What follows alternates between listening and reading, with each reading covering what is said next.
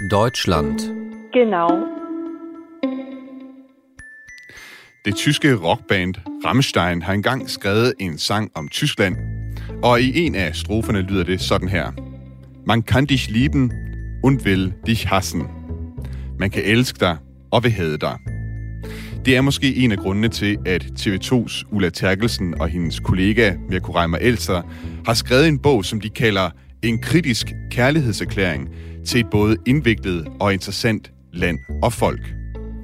Du lytter til Genau på Radio 4, og i dag taler jeg med Ulla Terkelsen og Mirko Reimer Elster om deres nye bog, som udkommer netop i dag.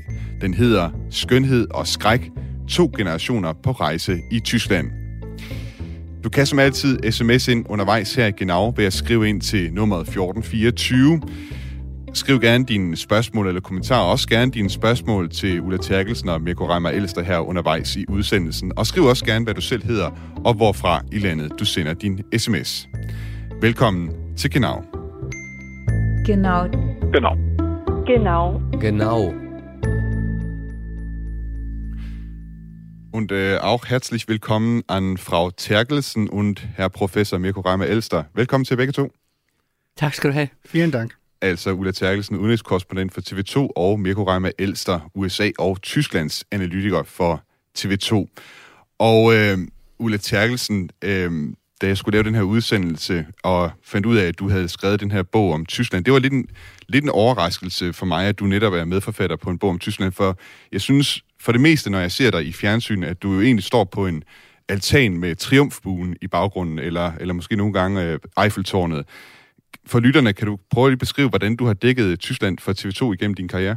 Det er fordi, du er så ung, du ikke kan huske 90'erne. Det er nok det. Det er derfor, ja. Fordi i 90'erne boede jeg i Berlin og dækkede Tyskland meget intenst, altså efter, øh, efter murens fald. Jeg flyttede der til, øh, jeg tror, i fast i 94, men fra cirka 92 var jeg der meget. Øh, Der, der boede jeg i Bruxelles og dækkede Europa. Og man kan roligt sige, at Europa ændrede sig, ved, havde ændret sig ved murens fald og blev ved med at ændre sig på grund af det genforenede Tyskland. Så jeg var der utrolig meget i det der årti, så har jeg været der en masse gange senere. Og er der, kommer der stadigvæk. Jeg boede der i hele december, begyndelsen af januar, nu her sidst, og, øh, og er der meget tit, og synes det selvfølgelig er et af de mest fascinerende lande, og jeg var meget betaget af dit citat, dit Rammstein, øh, citat, øh, som passer egentlig meget godt på vores bog. Altså, det er svært ikke at elske dele af Mm. Tyskland, men man vil på en eller anden måde have et kritisk forhold til landet. Og det er jo altså noget, som vores bog handler om. Det tænker jeg, det kommer vi også øh, videre ind på her i udsendelsen i dag. Øh, Mirko Reimer Elster, man kan jo sådan høre det øh, på navnet, at du har tysk baggrund. Men til gengæld så kan man ikke høre det, når det er, at du øh, er på TV2 og analyserer politik i USA og Tyskland. Hvad er din forbindelse til det tyske? Jamen, jeg er tysk. Jeg kunne nærmest stoppe der, men øh, begge mine forældre er tysk. Jeg er så kun øh, gået i danske mindretalsinstitutioner i Sydslesvig. Øh, og så skjuler jeg jo den tyske accent efter en relativt godt. Ulla kan godt fornemme den øh, til tider, men øh, det har selvfølgelig noget at gøre med, at jeg jo har valgt at slå mig ned i, øh, i Danmark. Min kone er dansk. Men øh, på mange måder er jeg jo stadig øh, tysk, selvom nogle af mine tyske kolleger jo altid vil sige, at jeg er en fake German, en falsk tysker nu. Mm. Skønhed og skræk, to generationer på rejse i Tyskland, det er altså titlen på jeres bog, som i dag udkommer øh, på forlaget 28B, og det er en samtalebog, det vil sige, I er kørt rundt i øh, forskellige, til forskellige byer i Tyskland, og undervejs der har I optaget samtaler, som så er blevet til den her bog, og I havde de her samtaler fra sidste efterår, så frem til vinter i år. Øh, Ulla, hvordan har det været at være på rejse rundt i Tyskland øh, og have de her samtaler med Mirko Reimer Elster? Jeg synes, det er et fantastisk rejseland, Tyskland. Altså, det er jo ikke et land, du elsker, ligesom du elsker Italien eller sådan noget, hvor, hvor det sådan er nydelse, som er, er det øverste punkt på dagsordenen øh, nede ved Middelhavet. Sådan er det jo ikke i Tyskland. Det er jo ikke sådan en konstant nydelse, øh, fordi der er mange sådan meget provokerende træk ved landet. Der er mange øh, historiske skygger, både fra det ene og det andet redselsregime, naziregimet, stasi-regimet. Og de er der jo, og de er også i folks sind og i folks tone. Der er jo tit en sådan aggressiv omgangstone i Tyskland. Man bliver tit rettet på af folk, man ikke kender, men man får et helt chok. Men det skal man jo sådan bare tage let og så, så sige en vits tilbage. Men det er et fantastisk rejseland, fordi øh, der er de der fantastiske forskelle øh, som jeg synes, det er en skam, mange danskere ikke sådan udforsker lidt. Altså, hvis du er i Slesvig-Holsten eller ved, ved den tyske Østersøkyst, som jeg synes er meget betagende, altså den der kyst, som er, er kommet frem øh, øh, til almindelig afbenyttelse efter murens fald, altså fra, fra der, hvor zonegrænsen gik ved, ved Lübeck, øst for Lübeck, og så helt over til Polen. Altså det der stræk ligger der nogle fantastiske byer. Og så er der et af mine yndlingssteder i Europa, som er Bayern, hvor der er nogle fantastiske byer, altså ikke bare München, men også meget, meget smukke landskaber og stemninger, og sådan en mærkelig, sådan landlig idyll øh, side om side med, med high-tech og fart og, og forskning osv. Altså der er sådan de der fantastiske modsætningsforhold i Tyskland. Det er det, der gør sådan rejser i Tyskland spændende, fordi mm. hvis du sætter dig i tog i Berlin og, og kører til München for eksempel, så, så kommer du igennem nogle ting, som, som sætter en masse tanker i gang hos dig, som, som både handler om politik, historie, landskaber, stemninger og Europa. Altså det, det er et af de lande, hvor man så ligesom på en måde bliver stopfodret med alt det, der er foregået, ikke blot mm. i Tyskland, men dermed også på dette kontinent. Mm. Og det må man jo sige, det, det rummer jeres bog også øh, i høj grad øh, meget af den øh, historie. med Koram Alster, hvordan fik I ideen til netop, at I to skulle skrive den her samtalebog sammen? Det vil være synd at sige, at øh, det var vi i flertal. Det var en idé, som øh, Ulla fik øh, okay. sidste år, da vi var afsted og lave nogle øh, indslag til TV2 i forbindelse med dækning af det tyske forbundsvalg, hvor jeg en dag kom øh, ned til morgenmad på hotellet i Berlin, og så sagde Ulla til mig, at øh, vi to skal lave en bog sammen, og jeg har fundet et forlag. Og så er det jo ikke sådan et, øh, jamen jeg går lige og tænker over det spørgsmål. Og det har selvfølgelig både noget at gøre med, at det jo er Ulla, men det har også noget at gøre med, at jeg jo også meget deler Ullas ambition i forhold til måske at piger danskernes interesse i Tyskland lidt mere. Lad mig give dig et meget konkret eksempel fra her i morges, da jeg tog bilen op fra det nordtyske og hertil der er et øh, radioprogram, og der taler værnerne om, at øh, i går havde de et tema, hvor man skulle vælge tyske sange. Så havde den ene af dem, Gud hjælp med, valgt en østrisk sang. altså, det er så klassisk, det der. Det er ligesom, jeg jo også beskriver i bogen, det her med, at jeg bliver mødt som tysker i Danmark, og mm. folk tror, at jeg lytter til Hansi Hinterseer. Altså, som om jeg gør det som 20-årig, og som om altså, Hansi Hinterseer ikke kommer fra Østrig. Og hvad er så den eneste sådan, positive tyske historie, jeg hører i løbet af de her 4-5 timer i bilen, det er, at der er et værksted, der reklamerer med, at de har tyske priser, når du skal reparere din bil. Altså, det er jo kliché efter kliché efter kliché, og dem vil vi jo gerne udfordre lidt. Og det vil jeg også sige, det synes jeg, I, I lykkes rigtig godt med. I giver et meget godt og nuanceret billede af, af Tyskland, og sådan også kommer ned, giver en forståelse for, hvad det er for nogle dilemmaer, tyskere de øh, tit står med, også sådan rent øh, politisk. Ulla Terkelsen, øh, titlen på bogen er Skønhed og skræk. Hvad er det ved Tyskland, der ligger op til netop den titel? Det er, at, øh, at, at, øh, at under naziregimet øh, slog øh, tyskerne, og det var jo tyskerne, der tog det initiativ, 6 millioner jøder ihjel og 55 millioner mennesker, som sådan døde under, under 2. verdenskrig. Altså der kom et... Øh, et redselsregime til magten i Tyskland, og med en stor folkelig opbakning, det må vi jo aldrig glemme. Og øh, så derefter øh, bliver landet delt, og så kommer der udvikler der sig et Stasi-regime, en anden form for redselsregime i, i det, der hedder DDR. Øh, jeg har lige set øh, den sidste øh, film om det emne, øh, som hedder øh, nær, Nærskud, Nærkontakt, tror jeg, det hedder på, den hedder på dansk, altså en, en, en film om, hvordan Stasi øh, kørte løbet dengang i, i DDR. Altså, der er foregået nogle uhyggelige ting, som stadigvæk kan fylde en med skræk, når man kommer til at tænke på det. Men så er der også nogle meget smukke ting, altså for eksempel mindet så om murens fald, glædesrusen i Berlin, festen. Øh, det er et land, som lå der med, med atomvåben øh, på øh, på begge sider, hos, hos russerne over i Østblokken og hos amerikanerne over på vestsiden. Altså, at, at det land så blev, blev genforenet i en glædesrus, og selvfølgelig med problemer, selvfølgelig med smerter og sår, men uden der blev slået en masse folk ihjel. Og det, I tænker på, hvad der i øjeblikket sker her i verden, og her i Europa, hvor folk, mens vi taler nu, bliver slået ihjel og slår hinanden ihjel, så var det jo en lykkelig historie. Altså det var en, en lykkelig tysk historie. Så har du også det, der hedder uh, sommereventyret, altså fodboldeventyret, hvor Tyskland var, var fodboldværter for en stor international turnering, og folk uh, fra hele verden kom hertil og havde det vidunderligt i dejligt vejr langs med floderne på campingpladser. Englænder og tyskere drak øl sammen, og, og kunne tale sammen om deres fælles kærlighed til fodbolden osv. Altså, der er en masse smukke ting. Der er også en masse kultur, landskaber, historie. Der er en masse smukke ting i Tyskland. Smuk litteratur, smuk musik. Mm. Øh, og så samtidig er der altså hele tiden de der skygger, ikke? Altså, der, det er skønhed og skræk, sådan ved siden af hinanden. Og det, synes jeg, gør landet øh, fascinerende, især for danskere, fordi vi jo er vokset op i en, øh, en have, en, en dejlig kolonihave, hvor det hele er ordnet, og hvor øh, ulykkerne er der, øh, men det er nogen, vi selv finder på, fordi vi måske tjusker med vores liv. Altså, der er ikke de der store redsler ved at være dansker, og har ikke været det i mange, mange år, som der er ved at være tysker.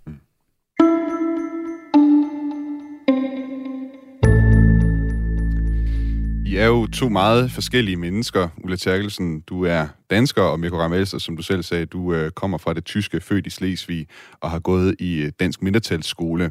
Og øh, undertitlen på bogen er jo også to generationer på rejse i Tyskland. Øh, og man kan sige, de generationsforskel, der er. Altså Ulla Terkelsen, du er født øh, lige før 2. verdenskrigs øh, afslutning, mens øh, Mirko, undskyld, Mirko Reimer Elster er født øh, få år før muren faldt. Og en anden forskel, det er, at øh, Ulla, du kommer fra et borgerligt hjem, mens Mirko voksede op med en solomor i, øh, under beskidende korm. I taler også i bogen om sådan den måde, de her forskellige baggrunde, og jeg har præget jeres syn på Tyskland og også jeres syn på tysk kultur. Et øh, meget godt eksempel på det, det er jeres forskellige smag i musik.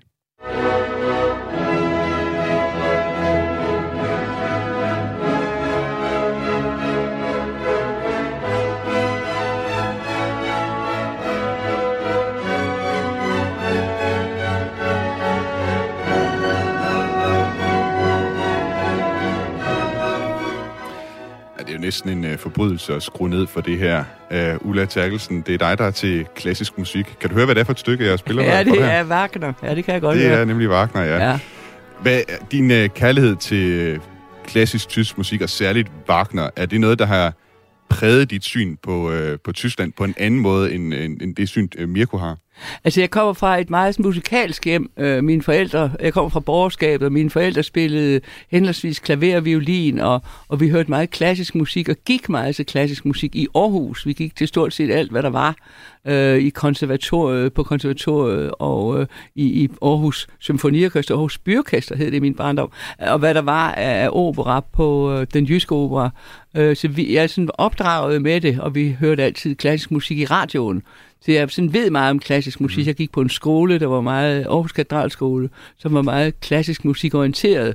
Og jeg har selv sunget meget i dels skolekor og i, i Aarhus Domkirkes børnekor til, til, de, til Bachs øh, passioner og oratorier osv. Så, så jeg er sådan opvokset med klassisk musik, og det er en interesse, øh, som aldrig har forladt mig, og som jeg stadigvæk dyrker. Mm-hmm. Mens øh, Mirkos øh, musiksmag, den øh, går lidt i den anden retning, har jeg indtrykket af. Men jeg ser ikke ned på noget af det. Jeg kan også godt lide populær musik. Det er mere Mirko, der ikke kan lide klassisk musik, tror jeg. Det kan være, at vi lige skal runde øh, Mirkos øh, smag i musik, for Mirko, det fremgår også i bogen. Du er, du er til hiphop. Lad os lige prøve at høre her. Du warst noch Eckrenbohrer, sexy Kanacke, nicht Echo Friese Der stotterte Junge, der Schuhverkäufer aus Friese. Egal, ich nahm dich mit nach Berlin und Mel gab dir die richtigen Beats. Plötzlich warst du ein richtiger Rapper mit richtiger EP Nahm dich auf Gigs, gab dir dies, gab dir das, gab dir Keys Gab dir was du brauchtest, dachte dieser Junge wird im MC verließ. Put the needle, sprach mit East, West und Universal, keiner wollte Mirko, kan du høre, hvad det, øh, hvem det er, der spiller her? Selvfølgelig. Cool Savage, de Abrechnung. Hvordan vil du sige, Mirko, at øh, den her forskellige tilgang til tysk musik har sådan præget dit syn på Tyskland og Ullas syn på Tyskland i en forskellig retning? Det er jo klart, at øh, musik, øh, kultur, litteratur bliver jo en form for referenceramme og et, et form for et spejl i forhold til, hvordan du forstår et, et samfund. Og det er klart, jeg tror, du får lidt forskellige indgange til et samfund, alt efter hvad du eksempelvis lytter til. Altså min mor øh, sagde jo altid til mig, at hun kunne ikke forstå, at et så begavet menneske lyttede til så primitiv musik. Øh, og der tror jeg så, hun tager fejl i, i dobbelt henseende, fordi hiphop kan selvfølgelig også fortælle dig meget om det tyske samfund, både i forhold til temaer, hvem er det, der er fremtrædende. Øh, for eksempel også, apropos som Ulla nævnte tidligere, hiphop er jo et godt spejlbillede på, hvor mangfoldigt Tyskland er. Der er forskellige bevægelser i de forskellige byer, forskellige musikalske udtryk, men jeg tror også, jeg kan afsløre, at jeg kan se, at Ulla har det lidt hårdt med, at jeg skulle, jeg skulle lytte til det. Det kunne jeg godt se på hende. Ulla, du har en meget god øh, anekdote i øh, bogen, som også måske viser meget godt, hvad, hvad tyskerne er for et sådan lidt øh, selvmodsigende, øh, kontrastfyldt øh, folkefærd. Øh, du har en beskrivelse af, hvordan tyskerne de øh, klarer at lytte til Wagner i flere timer, når de øh, går til koncert i Bayreuth. Hvordan er det, de gør det? Ja, så øh, er der noget udenfor, som er sådan en lille bassin, hvor de øh, tager sådan en del af noget, der hedder en knejpkur. Og det er opkaldt efter en, der hedder Kneip. Man er jo vild med de her naturlæger og naturmedicin og sådan noget. Det er, det er en gammel, gammel tysk tradition. Men så udenfor, hvis de har siddet inde i det her forfærdelige operahus, som er i Bayreuth, som er, er meget dårligt udluftet. Undskyld, jeg får helt ondt i halsen og tør i halsen at tænke på, hvordan akustik, eller ikke akustikken, men, men hvordan atmosfæren er derinde. Det er meget, meget varmt. Det er det altid i højsommer og varm, og sæsonen øhm, er i højsommeren, og det er jo sådan et lidt bjergagtigt område, hvor der er sådan meget, meget stille, klam, hot, varm luft. Og så, øh, hvis man ikke skal få hævet ben, mange af dem, der går til Wagner, er oppe i årene, og det skulle komme fra mig, er oppe i årene, modne mennesker, øh, så øh, går de ud, og så får ikke få hævet ben og blodpropper, som vil afbryde operaen, hvis de alle sammen skal bæres ud med blodpropper i benene, så kan de gå i sådan et lille knejpbad, og det er altså ligesom sådan et bassin, som er øh, formet, et, det hvor jeg har prøvet, det er formet som sådan et U, og så hiver man altså op i skørterne og tager stilethælen af, hvis man har sådan noget på, og herrerne ruller smokingbukserne op og tager sokker og sko af, og så ruller de bukserne op til knæene, og så går man igennem iskoldt vand. Det er sådan noget iskoldt vand, der hele tiden bliver udskiftet. Og så går man, øh, så skal, og så skal man løfte knæene, så man går sådan lidt flamenco-agtigt. øh, og så, eller som en stork, altså man løfter knæene op, når man går. Man skal ikke bare vade, man skal løfte op, fordi så øger man jo cirkulationen, blodcirkulation, og så sætter man altså sine ben ned i sådan noget iskoldt vand. Og der går de så rundt, sådan, og med deres øh, øh, diamantøreringe og, og selskabstasker over armen og, og deres øh, butterfly til deres smoking osv. Og det er altså for at sikre, at, øh, at de ikke får en blodprop under operan. Og det er sådan meget, det er sådan meget tysk at kombinere det, for jeg vil tro, at de sådan var henført af musikken. Mm. Det er jo sådan meget kultisk, ekstatisk musik. Sådan. Det er jo sådan altså klassisk musik svar på Jimi Hendrix. Ikke? Mm. Og så går de alligevel rundt der, sådan er meget jordbunden, men nu må vi også passe på, at blodomløbet øh, øh, bliver ved med at være der, selvom vi sidder her i en en raus over musikken. Og så vader de altså rundt i det der bassin. En meget ejendommelig tysk kombi.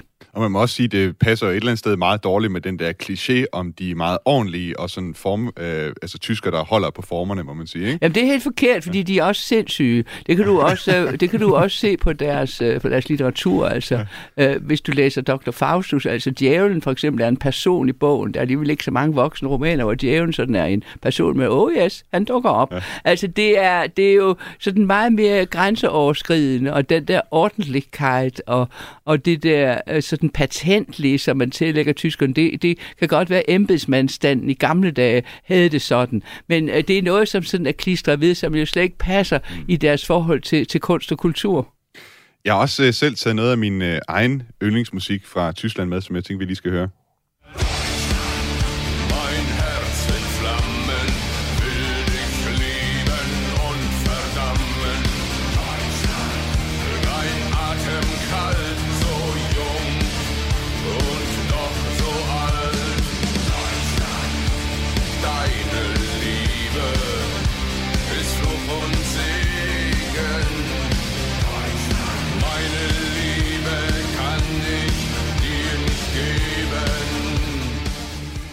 Jeg har siden jeg var ung lyttet til bandet Rammstein, og da jeg startede med at lave Genau, der faldt jeg altså over det her nummer Deutschland fra 2019. Og i det vers, vi lige hørte her, der synger de altså, Mit hjerte i flammer vil elske og forbande dig, din ånde kold, så ung og dog så gammel, din kærlighed er forbandelse og velsignelse, min kærlighed kan jeg ikke give dig. Og øh, det er lidt svært for mig at forestille mig, at en dansk sangskriver på samme måde kunne skrive noget lignende i en sang om Danmark. Øh, Ulla Terkelsen, hvor tæt ligger det her vers på dit forhold til Tyskland? Det ligger meget præcist. Jeg synes, det er, det er en meget flot tekst, og det er en meget øh, smertefuld tekst, øh, som øh, jeg synes er sådan er meget en undertone i meget af det, jeg kender til Tyskland. Jeg ved godt, at helt unge mennesker må, måske jo synes, det er død irriterende hele tiden at blive forbundet med den der smerte og de der blå mærker. Men øh, hvis man kender tyskerne lidt bedre, som jeg synes, jeg gør, altså også vi har boet og er der så tit og sådan noget, ikke? så hvis du går ind i familier, der er meget få familier og familiehistorier, øh, især jo, når du er over østpå, ikke? hvor man ikke har været igennem nogle ret forfærdelige ting. Mm-hmm. Og det er også noget, det jeg forsøger at beskrive i, i min bog, ikke? og det gør jo, at, øh, at man ikke bare sådan kan trække på skulderen og sige, nå ja, okay, øh, nok en bier, bitte. altså det kan man godt sige, men, men der er altså nogle mærker, øh, som, som vi slet, slet ikke kender øh, her, og som man egentlig ikke kender i andre lande øh, heller. Altså, jeg har været meget i Østeuropa, også, også i Polen, øh, for eksempel, hvor jeg også har boet. Jeg er jo gammel og har boet mange steder, men i Polen har du også øh, smerter og blå mærker, men det er sådan påført udefra. Her er det sådan noget, at det er dig og dit folk, der har påført andre mennesker, og dig selv nogle smerter. Og det kan man ikke gå og bære rundt på. Man kan, øh, man kan også tale om det, sådan for ondt i hovedet af, af, af det, og bliver bims af det. Og det vil man også sige, det er der også nogle tyskere, der er blevet, men øh, det dukker altså alligevel op øh, i knejpvandet, som sådan lidt et uhyre, der kommer op og er der. Man kan ikke benægte, at de der skygger er der. Mm. Nej, men jeg har det jo meget, altså jeg synes, det er en enormt rammende tekst i forhold til mit eget forhold til, mm. til Tyskland. For det første, så jung und doch so alt, det er jo en enorm præcis beskrivelse af Tyskland som stat jo først bliver bliver grundlagt eller samlet i 1871, og alligevel i en meget kort historie jo har stået øh, bag lige præcis både skønhed og skræk i vid udstrækning. Og så jo især, meine Liebe kann ich dir nicht geben. Altså sådan har jeg det også. Altså, mm. jeg elsker ikke Tyskland. Jeg er tysker, men det er ikke, fordi jeg elsker mm. Tyskland. Jeg er ikke stolt af at være tysker. Det er det, jeg er. Men du er heller ikke flov over det. Lige præcis. Jeg er heller ikke flov over at være tysker, og det kommer jeg aldrig til at være. Men det er klart, du finder jo relativt få, øh, der vil have den samme tilgang til for eksempel det at være dansker. Altså mm. hvis jeg stod her og sagde, jeg har jo dobbelt statsborgerskab efterhånden, men hvis man stiller sig op og siger, at man skammet sig over at være dansker, så vil sige folk, ja ja, nok en bierbitte, altså videre. Det er jo fuldstændig åndssvagt. Mm. Vi har fået et øh, par spørgsmål øh, fra lytterne. Øh, her er der en øh, lytter, der hedder Knud Hår, øh, som siger, eller som skriver her, Kære Ulla og Mirko, er mentalitetsforskellen mellem det østlige og vestlige Tyskland aftagende, eller er den stadig stor, jævnført den historie, eller den historiske, skråstreg politiske forskel? Mirko Reimer Elster, hvordan vil du svare på det spørgsmål? Både og. Det kommer meget ind på, hvad du måler det på. Hvis du måler det på for eksempel politik, så er det helt klart, at der er nogle meget store brydningsflader stadig i øst og vest. Altså vores stærke yderfløjene, de er markant stærkere i Østtyskland, end de er i Vesttyskland. De politiske yderfløje. De politiske mm. yderfløje. På andre punkter vil jeg personligt, men det er jo fordi, jeg selv kommer fra den nordlige del af landet, jo gå så langt at sige, at jeg synes, der måske faktisk på nogle punkter er meget større forskel mellem nord og syd. Altså, da jeg var ung, der talte vi om Bayern som mm. udland. Altså, mm. det var ikke en del af Tyskland for os. De levede i sådan en helt anden parallelverden. Og jeg tror, hvis du for eksempel er i Görlitz eller i Gelsenkirchen, så tror jeg, du vil synes, at det er relativt sammenligneligt, hvilket det ikke vil være på samme måde, hvis du sad i Flensborg eller i München eksempelvis? Mm. Altså, jeg synes, det er et godt spørgsmål, fordi, og, og det er et meget indviklet spørgsmål, fordi øh, det er rigtigt, at for en hel masse mennesker i Berlin for eksempel, det er jo sådan en, en meget, øh, det er jo en succes, der er ting jo smeltet sammen, og det er smart at bo i Prenzlauer Berg og, og, og Mitte og Friedrichshain, altså de der gamle øh, kvarterer i, øh, i Øst. Øh, og ikke nær så smart og chic og, og moderne og sådan noget bo i, i Vestberlin. Der, der er der sådan en sammensmeltning og en kryds, og det går lidt på kryds og tværs. Men øh, i den der øh, øh, jubel, der var øh, umiddelbart efter murens fald og, og, og i forbindelse med genforening, altså sådan en, en genforeningspatos, den er jo taget af, fordi for dem, der er faldet af vognen, altså dem, der ikke klarede ræset, øh, der øh, er der en øh, nostalgi, som man kalder det, altså alles var ja bei uns nicht schlecht. Det mhm. kan man høre en masse østtysker sige. Og det var altså dem, som ikke øh, klarede sig i omstillingen, og som var nødt til at flytte derfra, hvor de boede, fordi øh, det, øh, den pølsefabrik, øh, de mm-hmm. havde arbejdet på i så så lang tid, den gik nedenom og hjem, for der var ingen, der ville have de pølser. Mm. Der var ingen, der ville have trabierne. Der var ingen, der ville have deres motorcykler. Altså, der var simpelthen ikke noget at lave der, så de måtte flytte og rykke mm. væk. Og hvis de så ikke klarede sig særlig godt i München eller Hamburg, eller hvor de nu er nødt til at flytte hen, eller de, de i øvrigt ikke brød sig mm. om at flytte, så er det jo klart, at så var der en, så var der en smerte. Så mm. derfor er der sådan en... Øh, Altså en, mm. en mhm. bølge, hvor man ja. undskylder ja. Øh, de øh, øh, overtrædelser af menneskerettigheden, som fandt sted det der og siger, ja, men så ja. var der børnehave. Så, altså det, det går begge veje. Mm. Skønhed og skræk, to generationer på rejse i Tyskland, det er altså en ny bog af Ulla Terkelsen og Mirko Reimer Elster, som i dag udkommer, udkommer fra forlaget 28b. Og vi taler videre om bogen, når vi lige har haft et par nyheder her på Radio 4.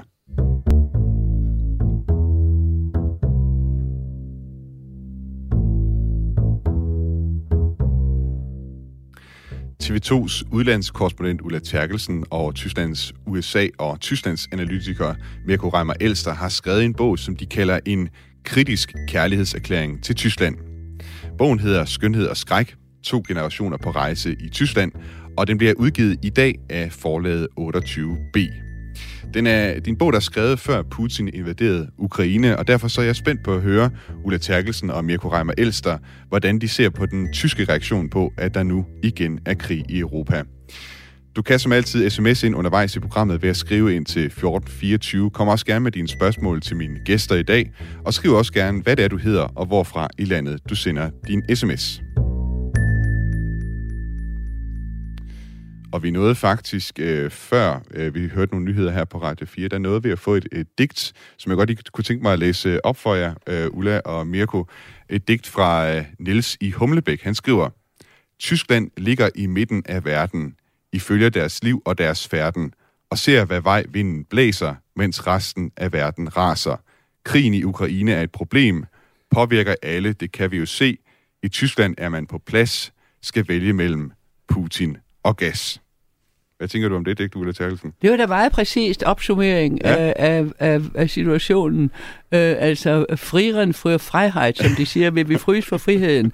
Og så også det der med, at Tyskland, jo, det synes jeg er meget fint opsummeret af, af digteren. Mm-hmm. Altså Tyskland har jo haft en hård pacifisme, hvis man kan bruge sådan et udtryk, siden 2. verdenskrig, fordi de synes ligesom, de havde slået folk nok ihjel. Landet var, øh, var og er jo delvis besat af amerikanerne. Der amerikanske tropper, de havde ikke på nogen måde en aktiv, øh, og i hvert fald slet ikke en militær udenrigspolitik.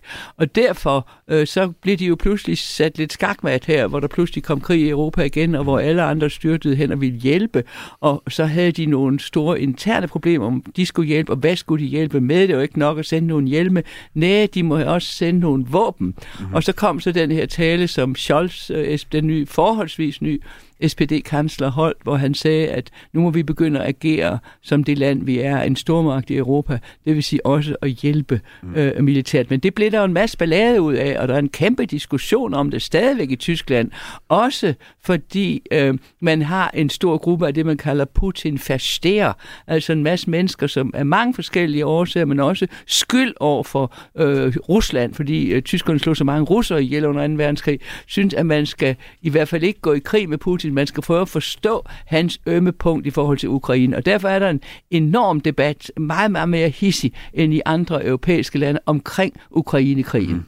Og nu vi er ved det emne, så er det jo også noget, I rent faktisk øh, tager fat på i øh, bogens øh, forord og efterskrift, fordi da I optog samtalerne her, som altså er blevet til bogen, øh, det, var, det var noget, I optog før, at øh, Putin invaderede øh, Ukraine. Og derfor så bruger jeg altså både foråret og, efter, og efterskriftet til at forholde jer til krigen, øh, og hvad det har gjort ved Tyskland, Mirko Reimer Elster. Hvorfor er det så vigtigt for jer at få det med? Jamen, fordi enhver kan se, at vi, det ville have været fremstået knap øh, så heldigt, hvis vi ikke havde nævnt det, der lige nu er den største referenceramme for mm. folks forhold til Tyskland, også i Danmark. Altså, mm. Tyskland er på, på alles læber lige for tiden, fordi Tyskland spiller en nøglerolle i Europa, og selvfølgelig også i forhold til krigen i Ukraine, så er sendt en uh, samtalebog på gaden, hvor du snakker om hiphop og pølser og uh, Wagner og knejpkur og FKK-kultur. Det vil have set ret mærkeligt ud, og så det er også noget, der optager mig og Ulla ret så meget. Også fordi vi igen kommer ind i den her som to forskellige generationer. Mig, der ikke så meget er en 89'er generation, altså muren falder, Europa bliver samlet igen, Østeuropa bliver fri. Det er jo ikke mig. Altså, jeg er jo 11. september generation. Mm. Jeg er født i 1986, og hvis jeg kigger på de øh, snart 36 år, jeg har levet, så er det jo ikke Fride Freude Eierkuchen. Altså, jeg har været igennem, ikke? 11. Mm. september, finanskrise, flygtninge og migrantkrise og så videre. Uh, Ulla har jo et uh, lidt længere blik og nok et andet syn også på lige præcis den situation, og især Tysklands meget særlige rolle i den her konflikt. Og så er det også typisk, synes jeg, at, at Tyskland så igen får ørerne i maskinen. Altså det, det gør de jo, enten for de andre mennesker øre i maskinen, eller også får de det selv. Altså at det, den her sag var jo ikke særlig kompliceret for Boris Johnson. Han tog over til Zelensky og sagde, trust me, I kan få så mange våben, I vil. Det var heller ikke svært for Biden, men den blev kompliceret for Tyskland, og det er mhm. det der med næsten ligegyldigt, hvad, hvad der sker i denne verden, så bliver det problematisk, når det handler om Tyskland. Mirko, hvad er du hæftet dig ved i den debat, der har raset i Tyskland her efter øh, Putin har overfaldet Ukraine? Jamen, det er helt klart kontrasten mellem handling og ord. Altså kontrasten mellem Scholz's tale i forbundsdagen, de store bevingede ord, Zeitenwende, nu kommer det her historiske skifte, øh, hvilket jo for øh, SPD i den forstand så også skal være virkelig en selvrensagelsesproces i forhold til hele nostalgien om Willy Brandts østpolitik, og hvor meget medvirkede den til murens fald. Og så er jo det, vi i bund og grund indtil videre må konstatere i praksis er, som Ulla også siger, et Tyskland, der er fodslæbende, klodset i forhold til sin ageren, især i forhold til sin kommunikation, fordi på overfladen er sagen jo ikke kompliceret. Altså den logiske, øh, siger jeg nu sådan lidt, øh, som om det var så nemt, vil jo have været at sige, vi har et særligt ansvar, vi har været aggressor, nu skal vi beskytte de små, og det er selvfølgelig vigtigere. Så selvfølgelig skal vi strikke en ekstra uldtrøje, fordi vi bliver nødt til at fryse for ukrainerne, mm. fordi der er så mange andre lande, der nu ser på os og synes, at vi har et særligt ansvar. Og der må man bare sige, at uh, Scholz, der jo blev så berømt som overborgmester i Hamburg, hvor han jo sagde, wer Führung bestellt, ist bei mir richtig, eller bekommt sie bei mir, altså hvem der bestiller lederskab hos mig, får det. Jamen, det har vedkommende jo ikke fået, og det er selvfølgelig især set med omverdens øjne en kæmpe skuffelse.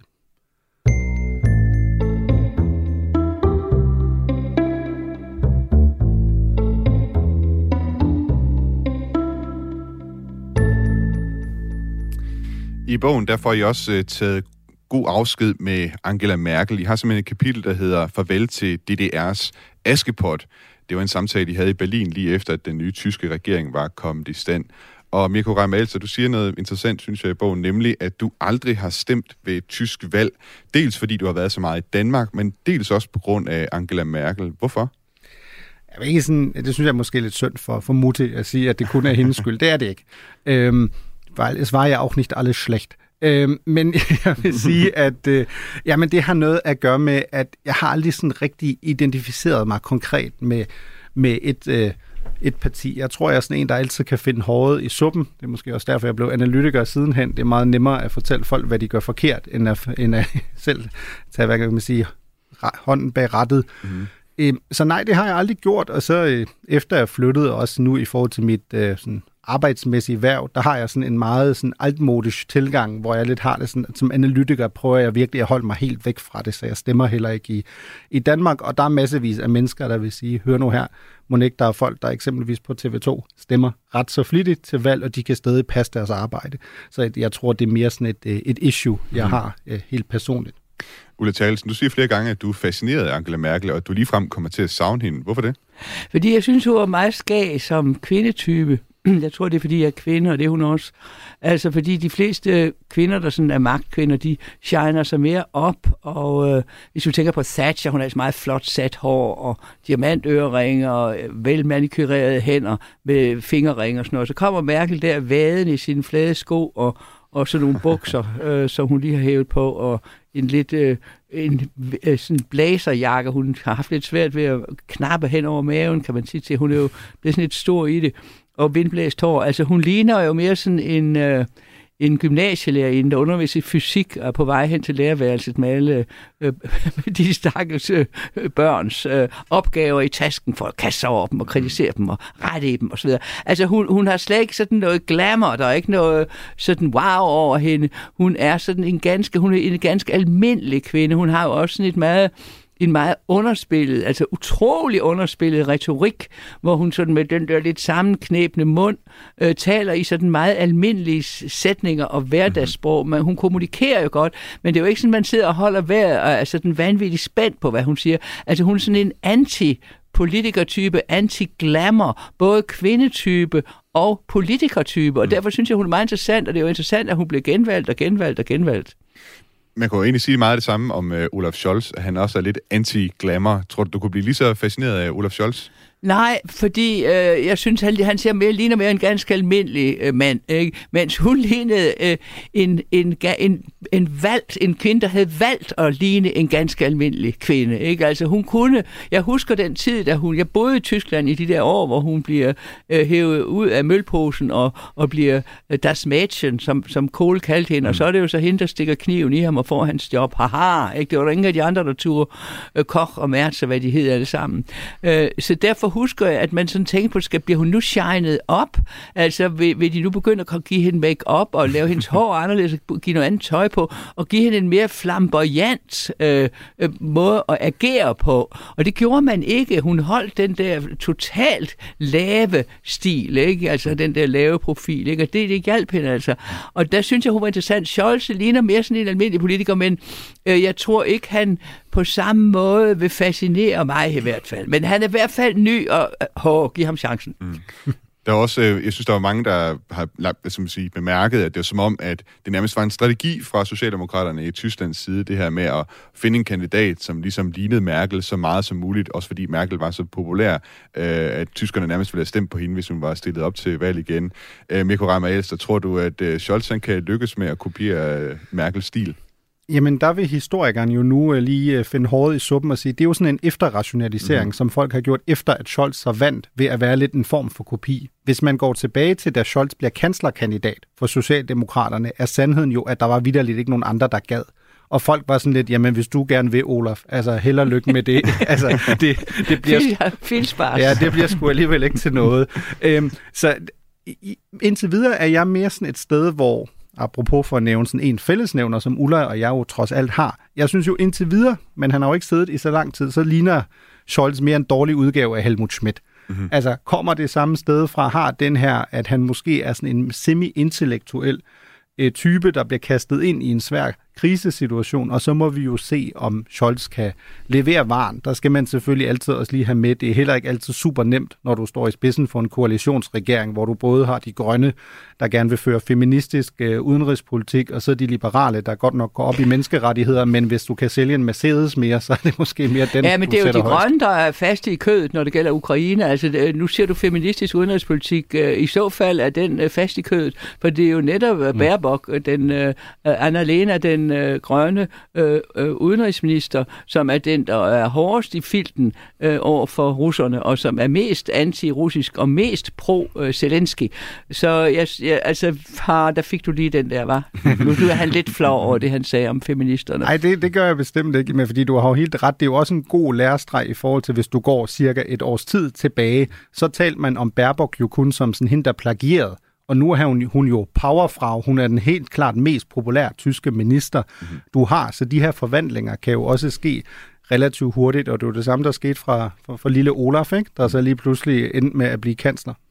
Hvis vi lige spoler tilbage til den, det politiske klima, som vi var i, da I øh, skrev bogen her, altså da I havde de her samtaler, så var det særligt corona, der fyldte, øh, fyldte mest i den tyske samfundsdebat om, der skulle indføres en generel vaccinepligt i Tyskland. Og i Tyskland der har der været en noget mere udtalt modstand imod både vacciner og så også den coronapolitik, som Angela Merkel og så sidenhen Olaf Scholz har gennemført. Og Ulla Terkelsen, øh, I havde en meget fascinerende samtale, synes jeg, om hvorfor der historisk er den her skepsis i Tyskland. Og jeg havde aldrig hørt de her perspektiver før. Det har blandt andet at gøre med det, de kalder lebensreform, og så de forbrydelser, som læger begik i det tredje rige og i DDR. Kan du fortælle, hvad det, gik, hvad det går ud på? For det første, så det der med, at de ikke øh, ville rette sig efter coronarestriktionerne og gjorde oprør, øh, det viser igen, at den der billede, mange danskere har af tyskere sådan kæftrit retning og gør, hvad de får besked på, det overhovedet ikke passer. Der var større vaccinemodstand i det land, end der var i noget andet land. Så det med, at tyskerne bare siger, jeg og slår hælene sammen og gør, som de bliver bedt om, det passer altså overhovedet ikke. Det er nærmest tvært imod. Mm. lægerne i det tredje rige begik uhyrligheder. De lavede medicinske forsøg, hvis man har besøgt koncentrationslejre, for eksempel Buchenwald har man set, og det er sådan, man ønsker, man ikke har set det. For det er noget af det uhyggeligste, der er foretaget i verdenshistorien, synes jeg, at højt uddannede mennesker laver alle mulige forfærdelige eksperimenter på, øh, på fanger som medicinske eksperimenter. Senere i DDR-tiden, og der har jeg talt med for eksempel Ina Skypel, som har skrevet en fremragende bog, der hedder Kampzone, og jeg har også, der boede i Tyskland, interviewet sportsstjerner, øh, som hvis stjerner falmede, da de blev holdt op med at være sportsstjerner, fordi de var blevet opereret på. Altså der blev simpelthen lavet indgreb på dem, deres æggestokke blev, blev, blev bundet sammen, de fik indgreb, så de, deres hormonproduktion blev anderledes, og det skete ofte fra de var en 10-12 år øh, for pigernes vedkommende. Og der fik de altså så store overarme og brede brystkasser, så de kunne svømme sig nogle guldmedaljer hjem til DDR, og det gjorde så, at de aldrig kunne få børn og komme til at se underlige ud, og ofte øh, blev deprimeret. Og, altså, det, var, det er nogle forfærdelige historier, man næsten ikke kan at høre på. Og det var altså lægestanden, mm. der lavede en fremragende film om det, øh, øh, øh, også, øh, hvor man altså ser det samme med, med altså, øh, tvangssteriliseringer. Øh, det var i det tredje rige af, af, af kvinder, som var lidt vilde og lidt, øh, lidt anderledes op i hovederne, og måske lidt kunstneriske og råbte lidt højt, og så videre. Altså forfærdelige historier, og det gør, at lægestanden som sådan øh, øh, i mange øjne står besudlet.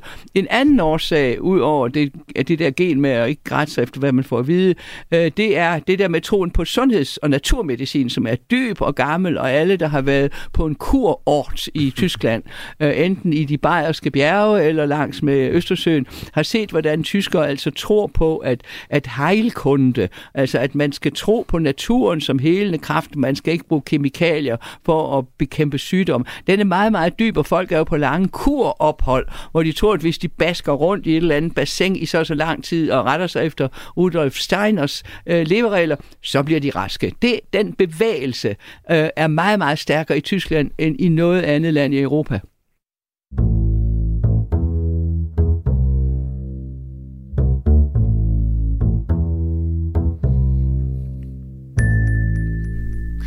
Da jeg øh, her på Radio 4 dækkede valget i Tyskland i september, der må jeg indrømme, at jeg selv gik og blev sådan lidt bekymret på øh, Tysklands vegne. Øh, dels på grund af nogle af de emner, der var op til, til valget. Altså den manglende digitalisering var et kæmpe emne, og så var der altså også en stor utilfredshed med, hvordan politikerne de havde håndteret corona. Samtidig så er Tyskland også et land, hvor befolkningen bliver ældre og ældre, og den tyske industri, den er ikke helt, hvad den har været engang. Og nu står man altså også i Europa over for krig, og stigende inflation. Mirko Reimer Elster, når du kigger på Tyskland, hvad er du så på landets vegne mest bekymret for?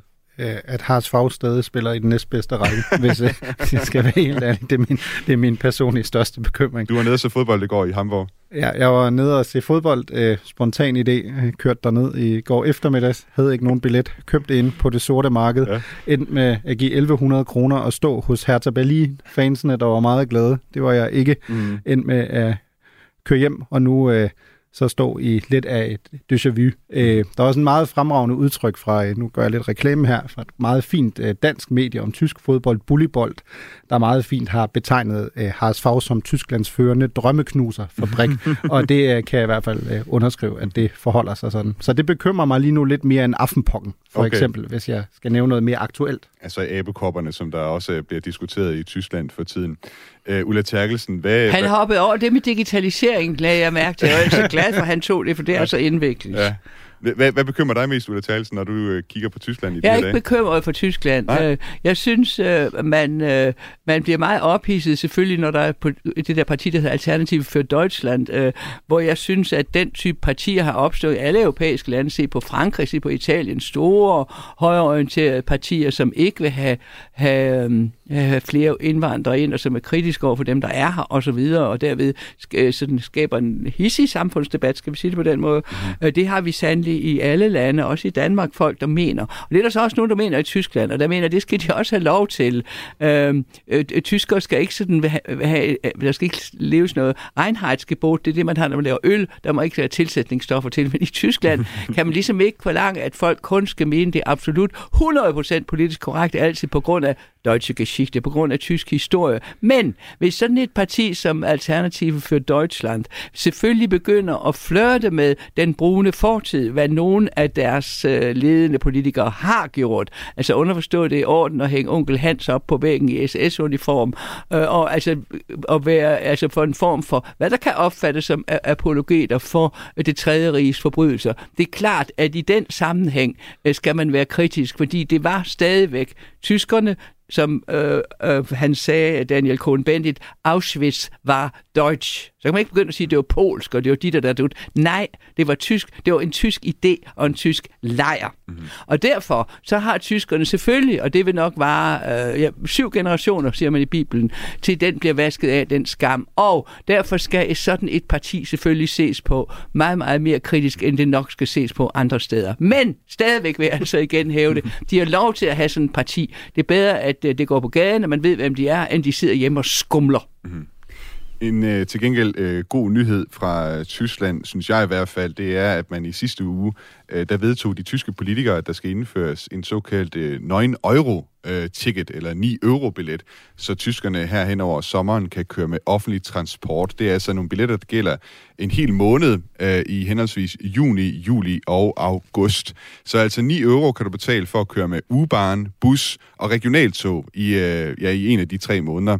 Øh, billetten den gælder så dog ikke fjerntog, og jeg har selv tænkt mig, at jeg skal ud og køre med 9 euro ticket øh, i min øh, sommerferie. Derfor så kunne jeg godt tænke mig her til sidst at høre jer begge to om, øh, hvor I har haft de bedste ferieoplevelser, så jeg kan få nogle anbefalinger til, hvor jeg skal tage ind. Ulla Terkelsen, hvor i Tyskland har du haft dine øh, største ferieoplevelser? Altså, hvis jeg var dig, så ville jeg tage til Dresden. Der skulle ja. du nok have et fjernsug, ikke? Det går jeg ud fra. Øh, men så når du er der, så vil jeg egentlig tage langs med Elben, altså der til Meissen. Og altså simpelthen, altså Sachsen er et fantastisk interessant land, og, og, og, og ikke overrendt af turister. Og så er Elben altså igennem de der saksiske landskaber, der er også de der fantastiske, det der kalder, man kalder saksisk Schweiz, med sådan nogle øh, mærkelige skiferbjerge. Det er et mhm. fantastisk interessant område, Sachsen. Jeg vil tage til Sachsen. Øh, hvad med dig, Mirko Reimer Else? Jeg, jeg kunne læse i bogen, at du faktisk før har taget på ferie i Ruhrområdet, som ellers ikke er så kendt for, hvad skal man sige, at være en feriedestination nødvendigvis. Ja, men det, det er en fejl. Tag, tag til Gelsenkirchen. ja. det, det synes jeg vil være fremragende. Ja. Lidt uh, Plattenbau, Manta-platte, og det er noget at spise. Fremragende ret står blandt andet af pomfritter. Tag til Gelsenkirchen. Altså, det, der vil du blandt andet jo få nogle af de kontraster, at du både har sådan noget som München, en af de rigeste byer i undskyld, Europa, hvis ikke, hvis ikke hele verden, og så tage til Gelsenkirchen, en af de, et af de fattigste steder. Det er jo også Tyskland. Mm-hmm. Tyskland er jo ekstremernes land, og det skal du udforske. Jeg ved ikke, hvor meget du kan nå, hvis du skal tage regionaltog, men uh, good luck. Det, vi har tænkt, at jeg skal sidde et par uger i hvert fald, og så øh, tage det stille og roligt. Jeg skal ud og besøge nogle af de små byer, som også øh, måske har undgået alt for mange uh, bombardementer, var lidt min øh, tanke. Vi har fået en øh, sms her fra vores lytter René, som skriver, jeg rejste meget i Tyskland i 90'erne, og havde faktisk glemt den specielle tyske stemning, Ulla beskrev. Tyskerne er gode til det med at gøre gasthaus og knejpe meget personlige, især sydtyskerne. Jeg mener der på mange punkter, at øh, nordtyskerne har mere til fælles med sønderjyderne i Danmark, end de har med sydtyskerne. Altså på den måde at forstå. Der er stor forskel på nord og syd i Tyskland, skriver René. Det går jeg ud fra, at I, øh, I kan genkende til. Der er fantastisk stor forskel, og det er det, der også gør landet så interessant. Men jeg synes nu også, der er en kultur i, i Nordtyskland. Øh, Mirko sidder og nikker og nikker og nikker, så hans briller er ved at falde af. Sådan nikker han. Og det er der altså det, der for eksempel i Flensborg, der er der fantastisk dejlige Gaststätten, og også er sikker på i Slesvig. Men øh, jeg er enig med, øh, med René i, at, at det er en fantastisk rar øh, kultur. Øh, jeg var til, øh, til fodbold engang i, i Ruhrdistriktet, og i de der øhm, i, i Mirkus elskede Ruhrdistrikt. Og i de der øh, kolonihaveområder, der ligger der altid sådan noget, der hedder Frau Agnes. Og der kan man så gå ind, og så sidder man ude i sådan en dejlig have med alle dem fra kolonihaven. Og så i det tilfælde her var så også en masse fodboldfans. Jeg tror, det var øh, Borussia Dortmund stadion, der blev spillet på dengang. Og der sidder man så, og så får man en dejlig iskold øl, og så får man nogle af Frau Agnes' bedste pølser og kartoffelstæt osv. Altså en vidunderlig stemning, behagelig og jo ofte mad på et meget højt plan i den stil, men utrolig godt kød, en dejlig lidt syrlig kartoffelsalat. Så jeg kan kun sige, god rejse, René. Ulla Thalesen, øh, nu er du rejst øh, meget i hele verden, også meget i Tyskland. Er der overhovedet et sted, du øh, i Tyskland ikke har, altså endnu har til gode at besøge?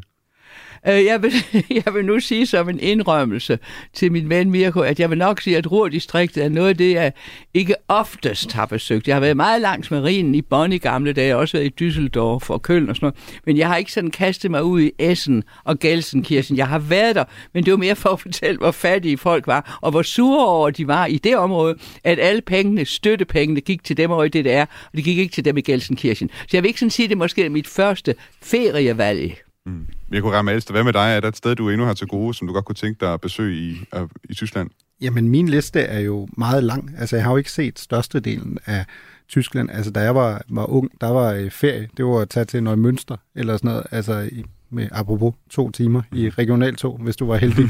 for, ni, for ni mark. Ja, lige præcis. ikke rejsmark trods alt, men... Øh, men mark, det er mark. Så, øh, så jeg har mange steder til, til gode, men jeg selvfølgelig... Øh, nu er det jo for mig groft sagt også ferie at komme hjem til meine Heimat, Slesvig-Holsten, spise en øh, fremragende steak på Mr. Angus Steakhouse, hvor jeg endda har fået Ulla med ind, og hun har godkendt restauranten. Hun mener ikke helt, den ser argentinsk ud, men der er vi tilbage til det her med at rejse, jeg har aldrig været i Argentina, og det er ikke det, jeg går så meget op i. Jeg går mere op i mad end indretning. Men du får mig ikke til at spise de der øh, rundstykker med fisk inde i. Det får du mig altså ikke til. Hvad er det nu, de hedder? Ja, fishbrødchen, det, det kan man ikke. Og Ulla er også meget skeptisk over for konceptet, at man kan putte en flødebolle ind i et rundstykke om morgenen. Det kan man altså sagtens. Øh, det kan jeg varmt øh, anbefale, men øh, selv, det synes Ulla ikke. Selv i det nordlige Tyskland er der altså nok også specialiteter at, at kaste sig over. Ulla Terkelsen, udenrigskorrespondent for TV2, og Mirko Reimer Elster, USA og Tysklands analytiker for TV2. Tak fordi I var med i Genau i dag altså forfattere til bogen Skønhed og Skræk, to generationer på rejse i Tyskland.